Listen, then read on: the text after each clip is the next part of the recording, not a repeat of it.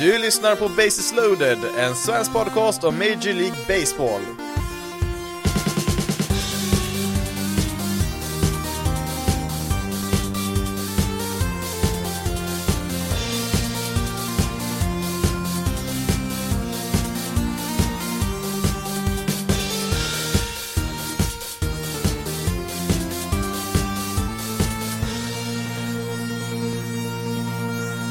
Hej och välkommen till veckans avsnitt av Bases loaded, en svensk podcast om Major League Baseball. Och detta är då avsnitt 73, och eh, vad tänker man då kring numret 73 i MLB? Ja, enklast är väl kanske då att eh, gå till rekordet för antal homeruns under en och samma säsong. Eh, Barry Bonds slog iväg 73 stycken för en 20 år sedan. Sen, ja, det var väl kanske inte helt rent spel bakom de siffrorna, men Eh, hur som helst, det officiella rekordet för antalet homeruns i MLB är ju just 73. Here's the payoff. A floater to Bonds, and he hits it high. He hits it deep, and it is out here. Number 73! Kikade lite där på topplistan då för homeruns under en och samma säsong och eh, det är ganska få namn där uppe i toppen då. Bond som sagt nummer ett. Sen så har vi ju Mark McGuire och Sammy Sosa som har plats två, tre, fyra, fem och sex. Eh, eh de två hade ju några år där när de slog hur mycket homeruns som helst. Det var väl 98 där som var den kända homerun-jakten där när McGuire nådde sin toppnotering på 70 och Sosa stannade på 66. Eh, annars så är det bara två till, totalt fem stycken som någonsin har haft eh, 60 eller fler homeruns under en och samma säsong. Eh, eh först var ju då Babe Ruth redan 1927, eh, då slog han exakt 60, hade även 59 en säsong. Eh, eh, och sen så är det även Roger Maris som slog 61, eh, passande nog just 1961. Bland aktiva spelare just nu så är det Giancarlo Stanton som har slagit flest under en säsong. Han slog ju 59 stycken här för några år sedan med Marlins och sen så är det faktiskt bara tre till förutom Stanton som är aktiva just nu. Jag hade nog trott det skulle vara någon mer men eh, det är bara Stanton och så är det Peter Alonso som gjorde sin rookiesäsong här för några år sedan. Chris Davis har gjort det och Aaron Judge. Eh, eh sen så eh, är det faktiskt inga mer som är aktiva just nu som har slagit eh, 50 eller fler homeruns under en säsong. Eh, totalt så är det ju faktiskt då bara 46 gånger som det har hänt att någon slagit över 50 homeruns. Eh, kan jämföras då med eh, 348 tillfällen som någon har slagit över 40, så att det, det är en extremt stor skillnad mellan 40 och 50 homeruns, kan man minst sagt säga. Eh, sägs väl kanske lite i överdrift ibland när man säger att ja, men det här är en spelare med extrem styrka, han kan lätt slå över 50 homeruns och nej, det eh, troligtvis så är det nog inte så. Alltså, som sagt, bara fyra nu aktiva spelare har nått den drömgränsen. Eh, inte ens om vi kollar tillbaka på förra generationens eh, bästa hitters, eh, Miguel Cabrera och Albert Pujols är väl de två största som sticker ut från, om vi går tillbaka en 10-15 år då får vi göra såklart, de är inte så jättebra längre då, men de två var ju på den absoluta toppen där ett tag och ingen av de två har ju, har ju ens kommit upp i 50 homeruns, så att Ja, det är en riktig drömgräns där, 50 homeruns som väldigt få som sagt har kommit upp i där och det är ju ännu, ännu mer exklusivt där i 60 homeruns-klubben. Där har vi då som sagt bara fem stycken och Sen har vi då två stycken då, McGuire och Bonds då i 70 homeruns-klubben där. Sen eh, var det väl nog inte bara typ pasta och lite proteinpulver som de stoppade i sig på vägen dit då, men eh, ja, det är så det ser ut i rekordböckerna officiellt just nu i alla fall. Men från en sorts dominans till en annan så har vi faktiskt haft två no-hitters veckan som gick. Eh, det var ju bara ett par dagar mellan de här två som John Means och Wade Miley kastade här i veckan. First pitch swinging, line drive, he's done it! John Means has no hit the Mariners, and the Orioles mob him. The first no hitter for the Orioles in 30 years. The first complete game no hitter since Jim Palmer did it 52 years ago in 1969. Ja, John Means då blir den första för Orioles att kasta en no-hitter för laget då eh, på ja, lite drygt 30 år, men den gången så var det en kombinerad no-hitter då, så att man måste ju gå tillbaka över 50 år då till Jim Palmer där som man nämnde eh, 1969 som var den senaste Orioles-pitchern då som kastade en eh, no-hitter på egen hand. Eh, har ju haft eh, några andra no-hitters här som varit väldigt nära att det var perfect games, men eh, här var nog den närmaste. Eh, han, eh, ja det är lite kontroversiellt faktiskt hur han tappade sin perfect game här för att eh, den enda base runner som han tillät, den, ehm, ja tekniskt sett så tillät han väl inte en base runner, det var mest catchers fel för att eh, det var en tappad tredje strike som Mariners-spelaren tog sig till första bas på alltså. Eh, han strikade ju ut, eh, det var väl Sam Haggerty tror jag där i Mariners som har strikat ut, men bollen slank ju mellan benen där på Orioles-catchen där som fick jaga efter den där och då hann ju Mariners-spelaren då springa till första bas där så att tekniskt sett så är det ju inte en perfect game, men eh, den enda base runnen då som sagt, han blir ju ändå eh, utstrikad där, så att det Ja, det känns ju tungt eh, som sagt. Det är väl en del som vill stryka den där regeln att de tycker att en strikeout ska vara en strikeout. Det var lite grann samma sak med Justin Verlander för några år sedan när han kastade sin 3000 strikeout i karriären så var det lite antiklimaktiskt där för att det var också en sån här tappad 3D-strike som gjorde att motståndaren då faktiskt kunde springa till första bas då, och så fick han ju då ja, lite, ja, det, det blir inte riktigt samma sak att fira en 3000 strikeout då, när ändå spelaren nådde första bas. Det, ja, jag kan förstå frustrationen lite grann där, men det, det är så reglerna är. Jag har väl ingen stark känsla för eller emot om det regeln ska vara så att eh, en strikeout ska räknas även om catchen då tappar den i, i, det, i det här fallet då, eller vad det nu kan vara, så att eh, ja, det, det, är lite surt, surt såklart eh, för John Means i just det här fallet då, men eh, det är ju en fantastisk insats här från eh, Orioles-pitchen som eh, Eh, totalt dominerade Mariners lineup, vilket i och för sig inte är jättesvårt nu för tiden. Eh, de har väl inte någon eh, jätteskrämmande lineup om vi ska vara helt ärliga just nu, men eh, en annan väldigt imponerande sak här var att han mötte ju minsta antalet motståndare här i matchen, alltså 27 stycken då över 9 innings, eh, för den där baserunnen då, han kastades ut när han försökte sno andra bas där sen, så att han mötte minimala 27 motståndare och 26 utav de 27 kastade han en first pitch strike, alltså första kastet i alla plate appearances där Eh, förutom ett då gick för en strike. Eh, det brukar ungefär ligga kring 60% av alla eh, första kasten då i varje plate appearance slutar med en strike, men han kastar en till alla utom en där. Det, är, det kan inte vara vanligt, jag har ingen statistik på det, men bara rent spontant känns det som att det kan inte vara speciellt ofta som något sånt händer. Lite kul också att det här var faktiskt första gången han kastade en hel match och han har faktiskt inte varit i en MLB-match längre än sju innings tidigare, John Means, så att Eh, kul att han får gå en hel match här för första gången i MLB och dessutom då göra den via en no-hitter. Eh, eh, har väl kanske varit lite förbisedd då, John Means. Har ju inte haft någon jättelång karriär så här långt. Det är väl hans tredje säsong där egentligen. Han debuterade väl tekniskt sett för fyra år sedan där, gjorde väl någon enstaka innings där, men det var väl först 2019 där som, ja, var hans riktiga rookie-säsong skulle man kunna säga. Kom ju då upp i ett Oriel som var totalt tvärsämst i MLB och då får man ju inte riktigt så mycket uppmärksamhet såklart. Eh, har väl inte varit något jättehögt rankat prospect heller så, gick ju först i elfte rundan i sin draft där och ja, som sagt då tre säsonger då i ligan, 28 år, så han är inte sån här jätteung och lovande heller så sett. Eh, eh, det är bara att se på hur Orioles själva tyckte om, eh, och minns när han gjorde sin rookiesäsong där 2019, så fick han inleda säsongen i deras bullpen.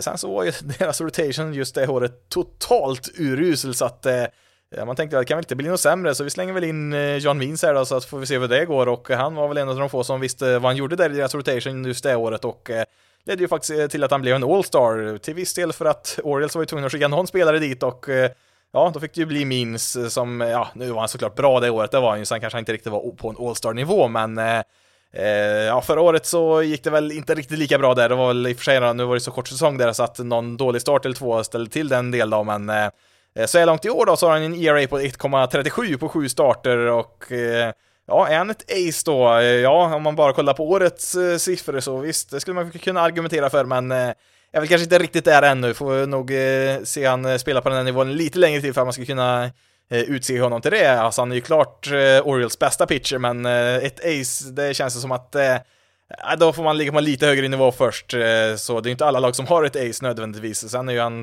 då som sagt då deras bästa pitcher i laget. Eh, eh, men vi kan väl säga så här att han har ju för sig bara tillåtit två eller färre runs i tio av hans senaste elva starter om vi backar tillbaka lite grann även förra året där så att Ja, det, det, är en, det är en uppåtpekande formkurva i alla fall där på John Means, men frågan är ju om Orioles kommer att vara slagkraftiga innan han blir free agent, så att får vi se om han finns kvar där Eh, framöver då nästa gång som det här laget går till slutspel eller inte. Men ja, kul för John Means och kul för Orioles, eh, deras första solo-no-hitter på över 50 år.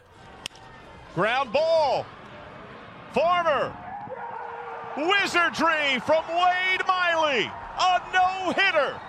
And baseball history. Bara ett par, tre dagar senare så var det ju dags igen då för Wade Miley den här gången i Cincinnati Reds eh, som eh, kastade en no-hitter mot Cleveland och ja, de har ju faktiskt varit ett offer för en no-hitter två gånger redan i år. Eh, tror jag såg att eh, inget lag har blivit det tre gånger under en säsong så får vi se där om eh, de blir drabbade några fler gånger här under året eller inte, men eh, Ja, som sagt då, då har vi fyra no-hitters i år och det har faktiskt bara hänt en gång tidigare att eh, det har varit så här många no-hitters så här tidigt på en säsong och eh, då får vi gå tillbaka till 1916 som hade fem stycken så här tidigt i maj. Eh, rekordet är för övrigt åtta no-hitters på en säsong och eh, då får vi gå tillbaka ända till 1884, så att det, det var ju ett tag sedan, men ja, vi är ju på god väg, vi är redan halvvägs där och då är vi inte ens i mitten av maj än så länge.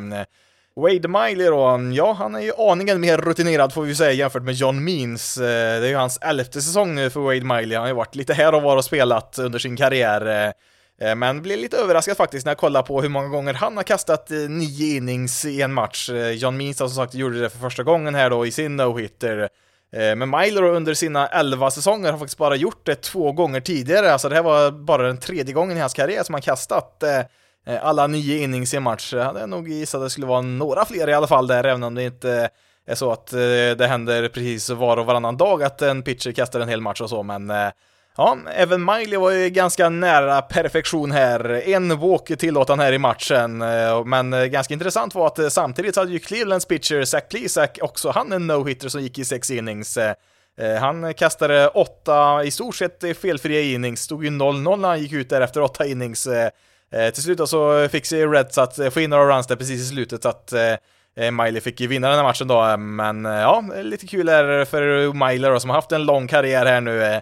Är väl inte den pitchen som eh, heller får så här jättemycket uppmärksamhet, framförallt när de har en rotation med Sonny Gray och Luis Castillo som eh, kanske är lite häftigare pitcher så i regel som har lite mer hastighet och strikar ut lite mer motståndare och så och det är väl de som får de flesta rubrikerna där i, i, i Reds rotation. Men ja, Miley gick ut och gjorde sin grej där. Han kastade, var det sju bollar som översteg 90 miles per hour och ja, behöver inte kasta så himla hårt varje gång för att vara effektiv. Eh, eh sen så hjälper det väl att, eh, att ha ganska bra kontroll då som eh, Miley har på sina kast då i regel. Men vad betyder allt det här då? Alltså att vi har fyra no-hitters så här tidigt på säsongen. Alltså vi har spelat lite över en månad eh, på den här säsongen och har så här många redan. Eh, Ja, det finns egentligen bara en sak att säga. Pitchers dominerar hitters just nu överlag. Alltså visst, Mike Trout är ju lika bra, eller han är väl till och med bättre än vad han har varit tidigare, men eh, Ser man till hela ligan så ser vi en ganska, ganska stark trend där vi framförallt ser deras betting average sjunka rejält. Eh, senast jag tittade på ligans betting average så la det på 2,33. Eh, det lägsta betting average som eh, ligan ligans hitters har slutat en säsong med kom 1968 när man slog 2,37 tror jag det var.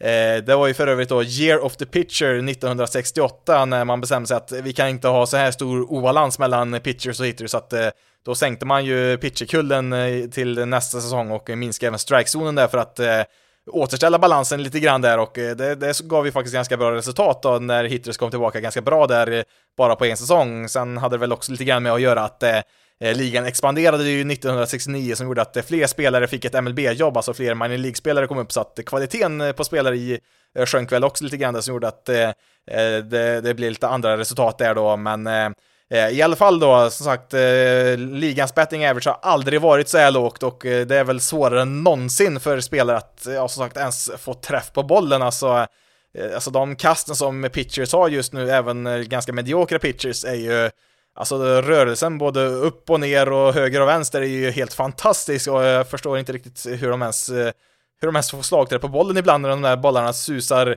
förbi, ja, in 100 miles per hour med rörelse. Alltså, um, Ja, jag skrev ju lite grann om det här i ett uh, nyhetsbrev som jag testade på att skriva här uh, om just uh, lite grann om det här med lite grafer och sånt som visar hur statistiken har sett ut på sistone och Alltså om vi går tillbaka bara 20 år, alltså till år 2000 då, så var ju ligans betting average 2,70 och nu är det som sagt 2,33, det är en extrem skillnad på bara 20 år som vi pratar om här då ändå. En annan väldigt eh, tydlig trend eh, som istället går spikrak uppåt, det är ju strikeouts. Eh, nu har vi tekniskt sett strikeouts ökat konstant i princip sedan 80-talet, men kollar vi bara på de senaste 3-4 åren så är det en extrem peak vi har nått, alltså det har liksom blivit en väldigt, väldigt brant lutning där på grafen där om man kollar på de senaste åren här och det var ju faktiskt första gången någonsin i ligans historia som Ehm, ja, förra året då som eh, ligans pitchers snittade nio strikeouts per nio innings, alltså i snitt kastade eh, alla pitchers en strikeout per inning. Det har ju liksom legat eh, Ja, traditionellt sett om vi går tillbaka så har det väl kanske legat lite närmare sex eller sju strikeouts per nio innings, men det är alltså en extrem ökning eh, i just den kategorin just nu och eh, till viss del så har det också med att göra att spelare, eller ja, slagmän då rättare sagt, eh, eh, svingar ju mycket mer för homeruns, alltså det är mycket mer allt eller inget och då blir det mer strikeouts också och eh, det blir inte lika högt average kanske då när eh, när man eh, dels då strikar ut mycket och sen även då det blir en del flyballs som lätt kan plockas ner. Samtidigt kan man ju inte direkt klandra slagmännen för den här utvecklingen, för Ja men alltså, som sagt, försök att träffa de här bollarna på något sätt. Eh, visst, det fanns bra pitchers förr också, men jag är ju väldigt svårt att tro att de framförallt kasta så här hårt och med så här mycket rörelse och så här mycket spinn som de har på bollarna just nu. Det är, ja, det är en väldigt otacksam uppgift de har, får ju ändå säga, och eh, då kan man väl tänka att det är väl logiskt att, eh, ja, ja, jag kommer inte träffa så många av de här bollarna, men när jag väl träffar den, då ska den banne mig flyga ut också, så att eh, förstår väl att eh, de satsar på att till slut homeruns, det är liksom den eh, Ja, det är väl det mest optimala man kan göra varje gång man går upp för att slå. Alltså det bästa resultatet du kan uppnå som slagman, det är att slå en homerun helt enkelt. Eh, Eh, sen får vi tänka så här också, eh, om jag kollar ju på Tyler Glasnow, det är nyhetsbrevet jag skrev där, alltså att eh, han har i snitt tillåtit eh, en hit varannan inning i så här långt i år. Alltså, även om vi ser att jag skulle lyckas slå iväg en singel här nu och lyckas ta mig ut där på baserna så alltså, innebär ju det att, ja, det var ju hans hit att ge upp den här inningen. Nu får vi vänta ganska länge till innan nästa kommer här. Ja, nu funkar det inte riktigt så då, men eh, poängen är att det är väldigt, väldigt svårt att få upp två, tre hits under en och samma inning, så att eh, då är det väl lika bra att jag försöker göra så mycket skada jag kan på den här svingen som jag faktiskt kommer att eh, få på bollen och Ja, det leder ju som sagt då till att det blir mer allt eller inget och eh, när man vevar med sån kraft, då, då är det lättare att man missar bollen ibland också så att eh, det, Ja, det, det, är inte så knepigt att utvecklingen har gått åt det här hållet. Så vi har ju sett en enorm teknologisk utveckling på många fronter inom basebollen här de senaste åren och eh, mycket av den tekniken, eller ja, mycket av den träningstekniken som finns eh, har ju riktats mot pitchers. Det finns ju olika typer av eh, höghastighetskameror som kan ta, jag vet inte hur många bilder per, per sekund de tar, som kan kolla exakt i detalj liksom Nej, nu hade du handen lite för högt när du kastade det här kastet den här gången. Du måste du sänka den lite grann här så att det, blir bättre resultat där. Alltså de kan i sån extrem detalj eh, putsa på sina olika typer av kaster som eh, gör att de eh, ja, blir svårare och svårare att eh, träffa för varje år som går. Det har ju kommit viss teknik även som kan hjälpa slagmän, men eh, så här långt så är man ju ljusår längre fram när det gäller sådana här olika teknologiska mm, ja, förbättringar då när det gäller att förbättra sitt spel då för pitchers. Vi får väl se lite grann eh, längre fram när det blir lite varmare väder också. Offensiv brukar ju öka lite grann eh, ju närmare vi kommer sommaren. Eh, bollarna flyger ju lite längre och sådär när, när det blir lite varmare och så och det är också en aspekt där man såg ju till att ändra bollen lite grann inför den här säsongen. Inte jättemycket, men lite grann så att den den har väl en tendens att inte riktigt flyga lika långt som den gjorde under de här rekordåren där. 2019 var det ett rekordår i antal homeruns där, så att riktigt så långt flyger inte bollen heller längre, så att det är också någonting som eh, eh gör det lättare för pitchers att dominera här, så att eh, eh det är ju inte så att liksom eh, spelet i sig är helt trasigt på något sätt, alltså det är ju fortfarande underhållande att titta på, eh, på MLB såklart, men eh, det är inte en trend som jag tror kommer att sakta ner om man inte gör någonting här, så att det Eh, det här skriver vi också att det, det, kan nog bli ganska radikala förändringar ganska snart här för att motverka den här trenden som vi ser just nu. Man ser ju att de har experiment eh, som, som ska genomföras när de flyttar bak pitcherkullen bland annat då för att det ska bli längre avstånd mellan pitcher och slagman då så att de får mer tid att reagera och så och man har även testat lite olika regler då med shifts bland annat då så att man ska kanske förbjuda dem och även ökat storlekarna på baserna för att få lite mer stolen base och sånt där, få lite mer action i Eh, i spelet då, alltså att eh, man pratar ju om three true outcomes, alltså det finns tre olika eh, kategorier, eller ja, rättare sagt tre olika sorters resultat då, som gör att bollen aldrig kommer i spel. Eh, då pratar man om, om walks, eh, homeruns och strikeouts. Det är ju då tre stycken saker som blivit allt mer vanligt här de senaste åren som gör att det blir mindre bollar i spel, alltså det blir mindre chanser för försvarare att eh, jaga efter bollarna, göra liksom snygga double plays eller eh, några tokigheter som kan uppstå på baserna där när någon kastar bort någon boll eller vad det nu är. Eh, det har ju försvunnit en hel del eh, på de senaste åren så eftersom att eh, då Framförallt då homeruns har ökat jättemycket. Visst, en homerun kan ju vara spännande det också såklart, men det finns ju gräns på hur mycket man vill ha utav alla de här. Samma sak med strikeouts. Det är ju kul att se Max Scherzer strika ut 20 stycken i en match. Det är ju fantastiskt att se på, men Eh, det kan ju bli lite mycket av det också ibland som det ser ut just nu. Alltså man får man får helt enkelt ta kanske en, lite mer en helhetsbild kanske och bortse från de här enskilda fantastiska händelserna alltså. har ju ingenting emot att det var ett par no-hitters här i veckan. Det är kul att se dem såklart och se dominanta pitching prestationer, men saken är den, det får inte bli för eh, förutsägbart att eh, matcherna ser ut på exakt samma sätt hela tiden. Det blir ju lite mer ja, lite mer slumpmässighet får man väl säga, lite mer eh, oväntade saker som händer när, när bollen faktiskt väl kommer i spel. Det är då liksom eh, många av de här oväntade sakerna som man aldrig har sett förut sker. Men men, i vilket fall som helst ska jag inte dra ut det för mycket här nu. Får vi säga ett stort grattis ändå till John Means och Wade Miley till deras no-hitter, så får vi väl se här inom en ganska snar framtid tror jag om eh, de kommer med de här lite större förändringarna som kanske gör att det, det blir en lite mer jämnare balans mellan pitchers och hitters igen.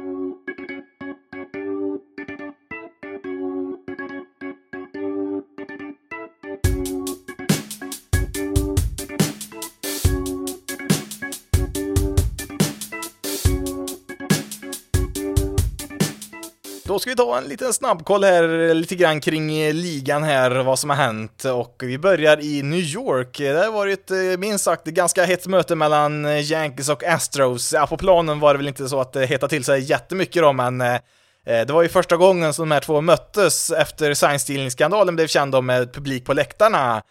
Och ja, de drygt, ja, kan det ha varit, säg en 10-12 000 Yankees-fans som fanns där på Yankee Stadium, ja de tog ju tillfället i akt där och ja, jag skulle nog gissa på att eh, det var en del ganska hesa New York-bor efter den där serien som, eh, som de buade ut, ja de buade väl inte ut precis alla Astros-spelare, men det var ju några där som eh, var med under åren där när de var som bäst där och vann 2017 där, Altuve, Bregman och Correa bland annat där. De, ja, de fick ju höra på lite visslingskonserter där, det var ja, det var väl inte alltid de snällaste orden i, i ordboken som användes av Yankees-fansen där, men det var en som jag fastnade lite extra för där som eh, Ja, det var inga fula ord eller sådär, men de sjöng till, eh, jag tror det var till Alex Bregman, eh, You don't deserve your accolades.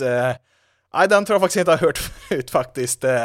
Så att, ja, det var en del skyltar också såklart som visades upp där för tv-kamerorna och Eh, ja, det är väl lite så här de kommer få leva nu, Astros. Det här var ju inte första gången de buades ut under säsongen där. I Oakland var de också ganska bra på där och eh, Ehm, ja, i, i, Anaheim så kastade de väl in en uppblåsbar eh, eh, soptunna till och med, om det var en riktig också kanske de slängde in där, men eh, ja, det är väl lite så här de får leva nu, i alla fall de största profilerna där och eh, det har de väl förtjänat också. Rob Manfred sa ju där när han eh, försökte ja, förklara varför spelarna inte fick eh, något straff då. Ja, nu hade de ju fått immunitet då, i utbyte mot att de skulle berätta exakt vad som har hänt då, men eh, Eh, då sa han ju att eh, ja, men det kommer nog vara straff nog att de kommer få leva med det här resten av livet, att eh, fans inte kommer glömma bort det här och Nej, det, då får väl fansen ta det i egna händer och helt enkelt påminna mm, de här Astros-spelarna om att vad de, gjort, vad de har gjort för någonting och tror nog det här kan fortsätta ganska länge. Ja, i år kommer det, kommer det nog att ske på de flesta arenorna som Astros besöker då, men eh,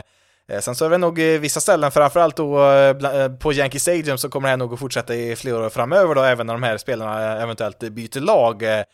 Astros slog ju ut Yankees i slutspelet både 2017 och 2019 där, så att där är man ju lite extra irriterade på, på den här signstilningsskandalen då, även om det finns en del som tyder på att de kanske inte fick så himla mycket hjälp av det där egentligen då, men ja, fusk som fusk är det ju såklart, så att det här har de helt klart tjänat ihop och ja, om man eh, trodde att Yankees-fansen eh, hade nöjt sig efter den där serien så Ja, till och med i nästa serie mot eh, Nationals så fortsatte Yankees-fansen att bua ut och sjunga saker om uh, Astros-spelare trots att de inte spelar mot dem längre, så att nej, i New York så kommer några av de här Astros-spelarna inte att få ha det så kul under resten av sin karriär skulle jag gissa på.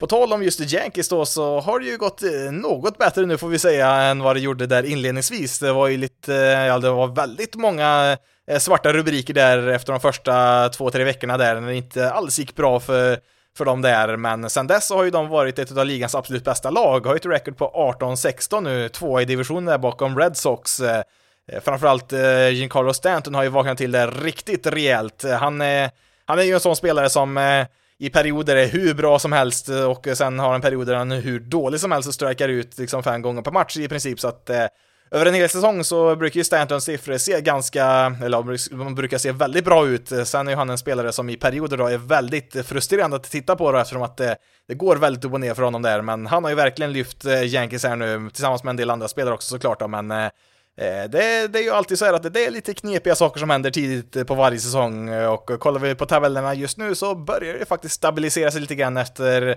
efter hur man hade trott att säsongen skulle se ut. Eh, visst, i American League East där just då så är det ju fortfarande Red Sox som leder där, eh, har ju tre och en halv match i ledning där mot Yankees, lite oväntat då, men eh, resten av tabellen ser ju ganska lik den som man hade förväntat sig. Kollar vi ja, American League Central har vi också sett, Royals har ju tappat lite nu när de har ett losing record nu, det, det var väl bara en tidsfråga där. Ja, det får säga Twins har ju Oj, 12-20 står de på just nu. Sju matcher bakom White Sox där i toppen av divisionen. Det är, Eh, det är väl ett lag man väntar på ska varva igång där, men kollar vi i AL West där, ja, Oakland och Astros högst upp i, tabellen där. Och väl Mariners och Rangers har väl varit lite bättre än väntat där. Angels, ja, vi kommer till dem snart. Jag vet inte riktigt vad de håller på med där, men eh, kollar vi sen eh, National League East, eh, ja, hade du sagt till mig innan säsongen började att den kommer sluta med i ordningen Mets, Phillies, Braves, Marlins och Nationals så hade jag sagt ja, det skulle väl kunna hända. Hade väl nog bytt plats på Braves och Mets där då, men eh, eh, det ser väl lite ut ungefär som man hade väntat sig. Samma sak i National League Central, där har vi Cardinals och Brewers högst upp just nu. Cubs och eh, Reds är väl med där också och jagar och eh, Pirates är ju nu i botten där. Eh, National League West, ehm, ja, där är väl eh, Giants då, har inte de, ja de har ett av ligans bästa record just nu, det är väl ett par lag, Red Sox har bättre och även Cardinals då, men Eh, det, det börjar ju stabilisera sig som sagt i tabellerna också. Eh, jag ska gå in på några lag lite mer specifikt här, men eh, det är fortfarande tidigt på säsongen såklart, så att det är mycket kvar att spela också och det är väl kanske mest tydligt på Los Angeles Dodgers.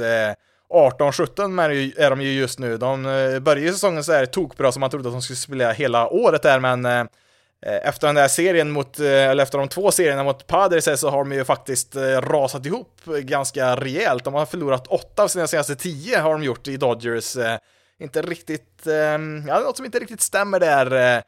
Men ja, jag skulle inte säga att det är orolig, de kommer nog att varva igång här ganska snart. De fick ju en ganska tråkig nyhet där med Dustin May, deras starting pitcher, han fick ju åka på en Tommy John-operation där. Eh, det var ju en match där han plockades ut, han kände att det liksom spretade till där i armen någonstans i armbågen där och eh, ja, han kommer ju då vara borta till Ja, möjligtvis är han tillbaka sent i nästa säsong då och eh, det, det, är lite intressant att se här eh, ehm, Dodgers som man eh, hyllade deras, eh, inklusive mig själv då, deras, eh, deras rotation och att vilken bredd de har där, men de har drabbats av lite skador där, så nu har de haft lite problem med hur de ska fylla den där sista femteplatsen där. Eh, David Price har ju varit skadad där, han har annars varit i deras bullpen och Tony Gonsolin har ju också varit skadad där, så att eh, Ja, eh, man, man, behöver många pitchers under ett år kan man ju konstatera, även för ett lag som Dodgers som liksom har en enorm bredd eh, i sin trupp där så kan det ju bli problem ändå där, men nej, det är inte ett lag som man är direkt orolig för ändå här. Visst, eh, det, det, det, brukar ju bli någon typ av baksmäll efter en, eh, efter en World Series-vinst. Det brukar det bli, så får vi väl se om de kan komma ur den här ganska snart eller inte, men eh, ja, jag tror att när vi summerar säsongen här så kommer de att vara mm, ja, åtminstone på andra platsen i divisionen. Padres är ju riktigt bra, det är de ju faktiskt, men eh, jag tror inte att Giants på Ja, de, de, kan säkert få ett bättre resultat än väntat, men jag tror inte att de kommer att vara ett eller två i den här divisionen när, när vi kommer in i september, men eh, i vilket fall som helst så kan jag inte direkt påstå att jag har någon annan favorit här i just National League West än Dodgers till att vinna divisionen, eh, även om det ser lite knackigt ut just nu.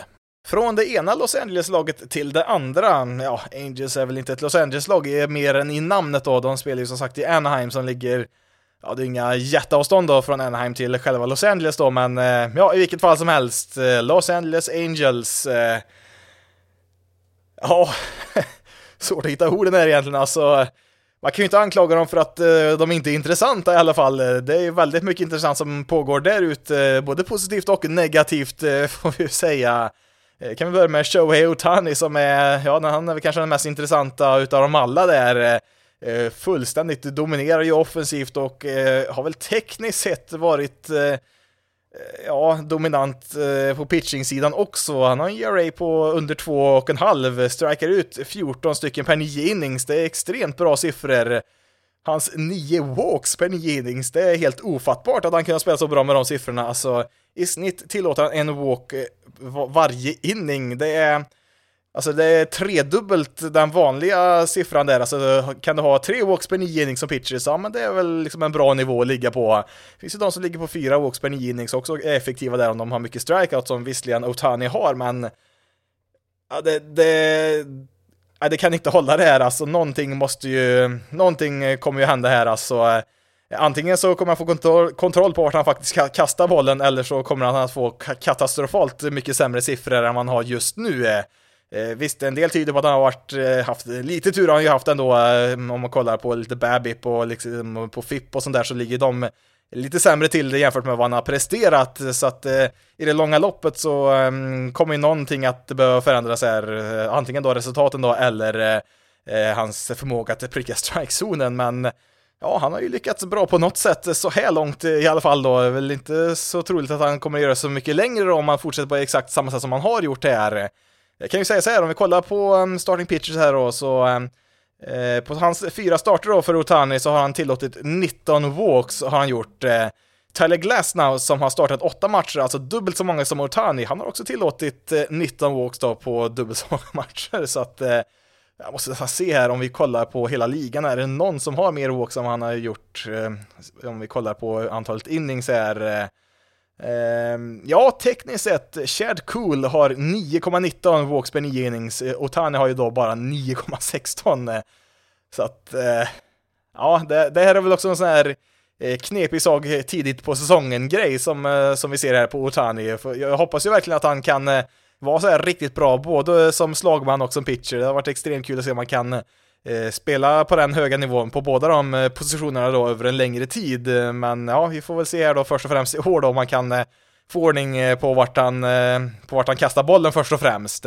Hur som helst då, den enda starting pitcher som presterar just nu för Angels, det är ju Otani faktiskt. Resten av dem har inte gjort mycket värt att nämna här. Ja, Andrew Heaney har väl varit okej, okay, har han väl varit, inte så mycket mer då, men Alltså Dylan Bundy har inte, ja i och för sig då, det mesta tyder väl på att eh, han eh, kommer att vända på det här. Han har ju en del bra siffror som tyder på att han har kassat ganska bra, har väl inte riktigt fått resultatet med sig än då, men eh, har ju en ERA över 5 och det har ju även Alex Cobb där också, ett nyförvärv där som Ja, han har inte riktigt fått det att stämma där, har blivit skadad här också och Jose Quintana, han värmar ju in här startar fem matcher, 17 innings, ja, strax över tre innings per match, det är inte bra för en starter, ERA på 10 än så länge.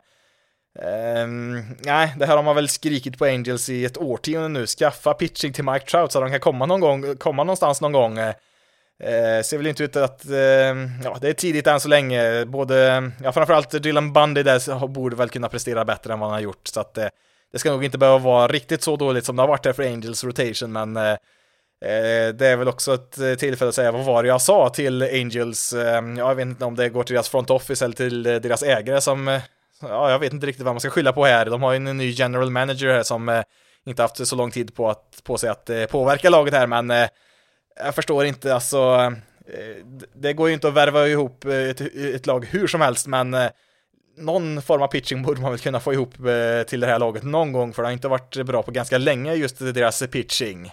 På tal om saker som inte varit bra på, på väldigt länge så har vi Albert Pujols som eh, gjorde rubriker där, inte för att han slog något nytt rekord eller någon ny milstolpe eller något sådär, utan han har ju helt enkelt, ja, han har fått sparken utav Angels kan man säga. De eh, valde ju att släppa honom här sista året på hans kontrakt, eh, har ju eh, Ja, det har ju varit, eh, ja det kanske är det sämsta kontraktet i MLBs historia, alltså han skrev på ett tioårskontrakt eh, eh, värt runt 250, nej 240 miljoner dollar var det på. 2012 där skrev han på det och eh, Eh, under de åren så har han producerat 5,7 wins above replacement. Eh, tre av dem kom första året där. Det var väl egentligen bara första säsongen där 2012 som han var riktigt bra där för Angels. Sen har han, eh, hade han väl några mm, helt okej okay säsonger där, men sista året som han var bättre än en genomsnittlig slagman då, 110 WRC plus hade han 2016. Sen dess så har det ju varit, jag ska se vad har han för statistik sen dess. Från 2017 till i år så har han en VRC plus på 84. Det är det är brutalt dåligt. Eh, eh, det är en Hall of Fame vi pratar om här såklart, men eh, Alltså, mm, han har, han har ju slagit lite homeruns, det har han väl lyckats och gjort. Det är väl det enda han har, liksom har varit hygglig på de här sista åren här, men och alltså han har ju ett average på 2,40 i och för sig då, det är väl inte katastrof det heller då på, på de här sista åren. On base percentage på 2,89 är däremot bedrövligt dåligt. Men ja, det alltså de här långa kontrakten, de, de är riskfyllda såklart.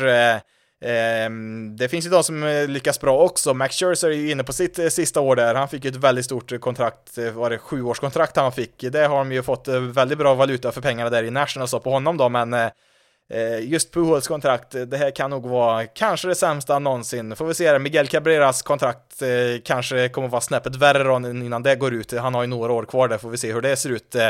Eh, när hans kontrakt tar slut, eh, men eh, ja, Puhol som sagt, han är ju en solklar Hall of Famer, men kollar jag bara till mig själv här, alltså jag började väl kolla på MLB någorlunda seriöst 2013, alltså hans andra år med Angels där, så jag har aldrig sett honom vara den här dominanta spelaren som han var, med Cardinals under första årtiondet där på 2000-talet när han var Ja, det var väl som sagt han och Cabrera som var de två största där. Nu var väl nog Pujols snäppet vassare där, skulle jag väl säga, men eh, sen 2013 då, när jag började kolla på MLB så kollade på statistiken då fram tills idag så har han varit exakt en genomsnittlig slagman. Så att eh, det har varit eh, många ganska brutala år här har det varit. Framförallt eh, de sista fyra fem åren här har det varit eh, hemska för, för hans del där. Man har ju bara gått och undrat när kommer de att släppa honom här? Alltså man kan ju inte spela en spelare som är så här dålig, framförallt inte med ett lag som faktiskt vill nå, nå slutspel och sådär va, men Nej, de har hållit i honom och hållit i honom och visst, han har ju nått några så här imponerande milstolpar, 600 homeruns och han passerar väl, var det Willie Mays han pass, passerade ganska nyligen eh, i homeruns om det var förra året där kanske, men eh, uff, nej, eh, det känns lite lustigt också att man väntar då till sista året, alltså han hinner börja spela sin sista säsong på kontraktet innan man faktiskt bestämmer sig för att eh, nej, vi kan inte göra det här längre, det går inte. Eh, en del utav det har väl att göra med att eh, Jared Walsh kom in och spelade så bra där för dem. Han är ju egentligen den första basman som har fått spela lite grann i deras outfield där, men det är väl inte en position han är så jättebra på, så att eh, man bestämde sig för att, eh, nej, nog, nu får det vara nog helt enkelt. Eh, det får vara tack, eh, tack och adjö för Pujols där i, i Anaheim. Eh, jag har ju svårt att tro att något annat lag skulle plocka upp honom, alltså. Ehm, alltså de här, de sämre lagen som man möjligtvis skulle kunna platsa i. Vad ska de ta en 41-årig första basman eller designated hitter till? Alltså de har väl säkert någon yngre spelare som kan, eh, kan behöva den rutinen istället. Så att eh, det, det är väl en eh, fråga här om det kanske är taco adjö här för Puhol som eh, sett till helheten har ju haft en helt fantastisk karriär. Lite retsamt är att han eh, sänkt sitt average då eftersom han spelat så dåligt de senaste åren här så har han ett average som är på 2,98 då, sjunkit där under 300. Det är väl lite, ja, det är väl en småsak i sig där, men ja, i alla fall en fantastisk karriär som nu, ja, troligtvis är slut där för Albert Pujols.